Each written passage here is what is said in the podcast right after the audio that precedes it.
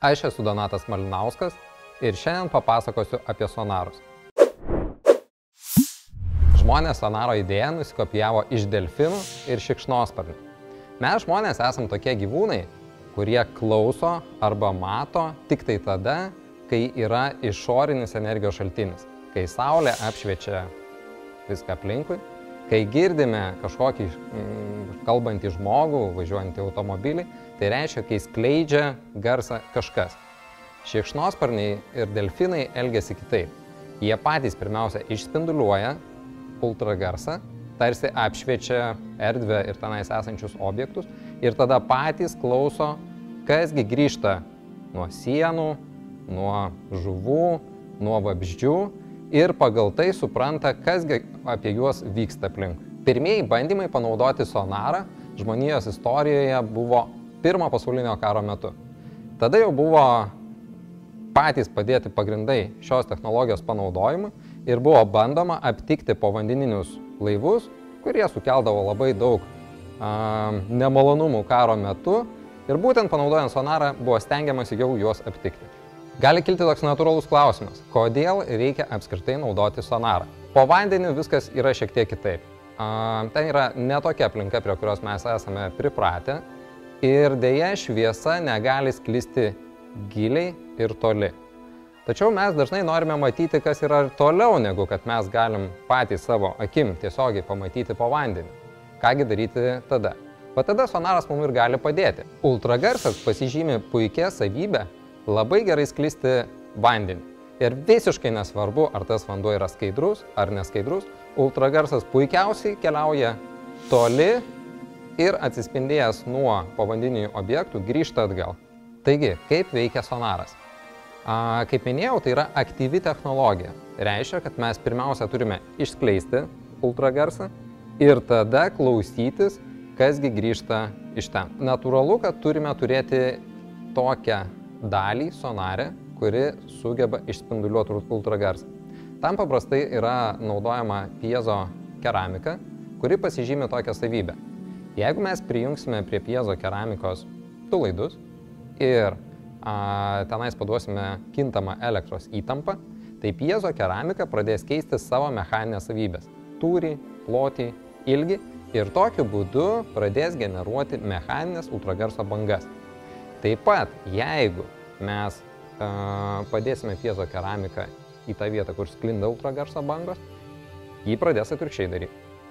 Ultragarso mechaninės bangas pradės keisti elektros įtampą arba srovę. Tada mes galėsime išmatuoti grįžtančių ultragarso bangų stiprumą, dažnį ir kitas savybės. Taigi, turime pagrindinę sonaro dalį, ultragarso keitiklį.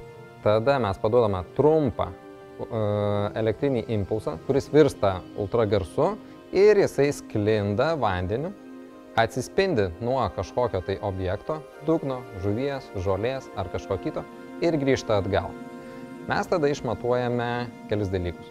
Tai per kiek laiko a, nukeliavo ir grįžo atgal ultragarso banga, išmatuojame taip pat stiprumą ir pagal tai galime nustatyti, kaip toli buvo objektas ir kokio dydžio jisai galėtų būti. Įsivaizduokime, kad esame po vandeniu. Ir su mumis yra taip pat žuvis, kuri plaukia štai čia.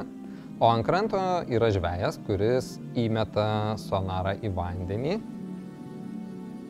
Ir jisai kas sekundę skanuoja, išsiunčia trumpus impulsus, kainuojančius nuo 10 iki 15 kartų.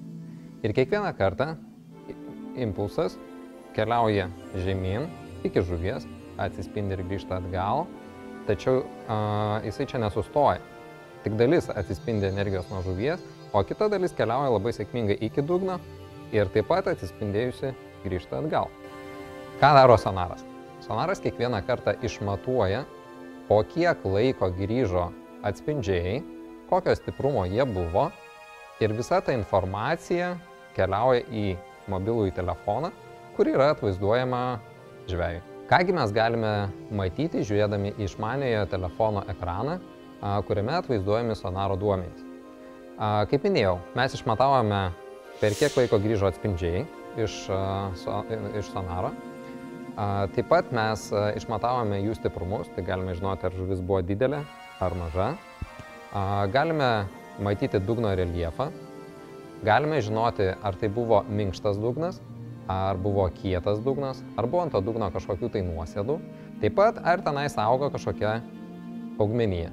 Kasgi galėtų būti ateityje ir kur dar yra naudojami sonarai. Tai jeigu mes kalbam apie sonarus, tai turėtume prisiminti, kad yra naudojamas ultragarsas, o ultragarsas yra naudojamas gerokai plačiau negu siauresnės rytis sonarai. Pirmas dalykas, kuris šauna į galvą, tai kai apsilankome pas gydytoją, echoskopais jie gali pasižiūrėti, kasgi yra mūsų kūnuose, ar viskas ten yra gerai ir kas tenais vyksta. Tai vienas iš labai gyveningų ir panašių pritaikymų yra echoskopija. Taip pat, kai atvažiuojate kažkur su automobiliu ir parkuojatės, dažnai yra naudojami parkavimo jutikliai, kurie taip pat veikia ultragarso pagalba. Robotai, kurie vis dažniau atkeliauja į mūsų gyvenimą, dažnai taip pat naudoja ultragarso jutiklius tam, kad aptiktų aplinkui esančius objektus ir neatsitrenktų juos arba kaip tik juos surastų tuos, kurių jam ir reikia. Šiandien su jumis buvau aš, Donatas Malinauskas ir papasakojau apie mūsų kūriamą sonarą Deeper čia Lietuvoje. Ir nepamirškite toliau žiūrėti laidų pamokslas, kurių metu sužinosite apie kitas lietuvių kuriamas inovacijas, išgirsite daug naujų dalykų ir puikiai praleisite laiką.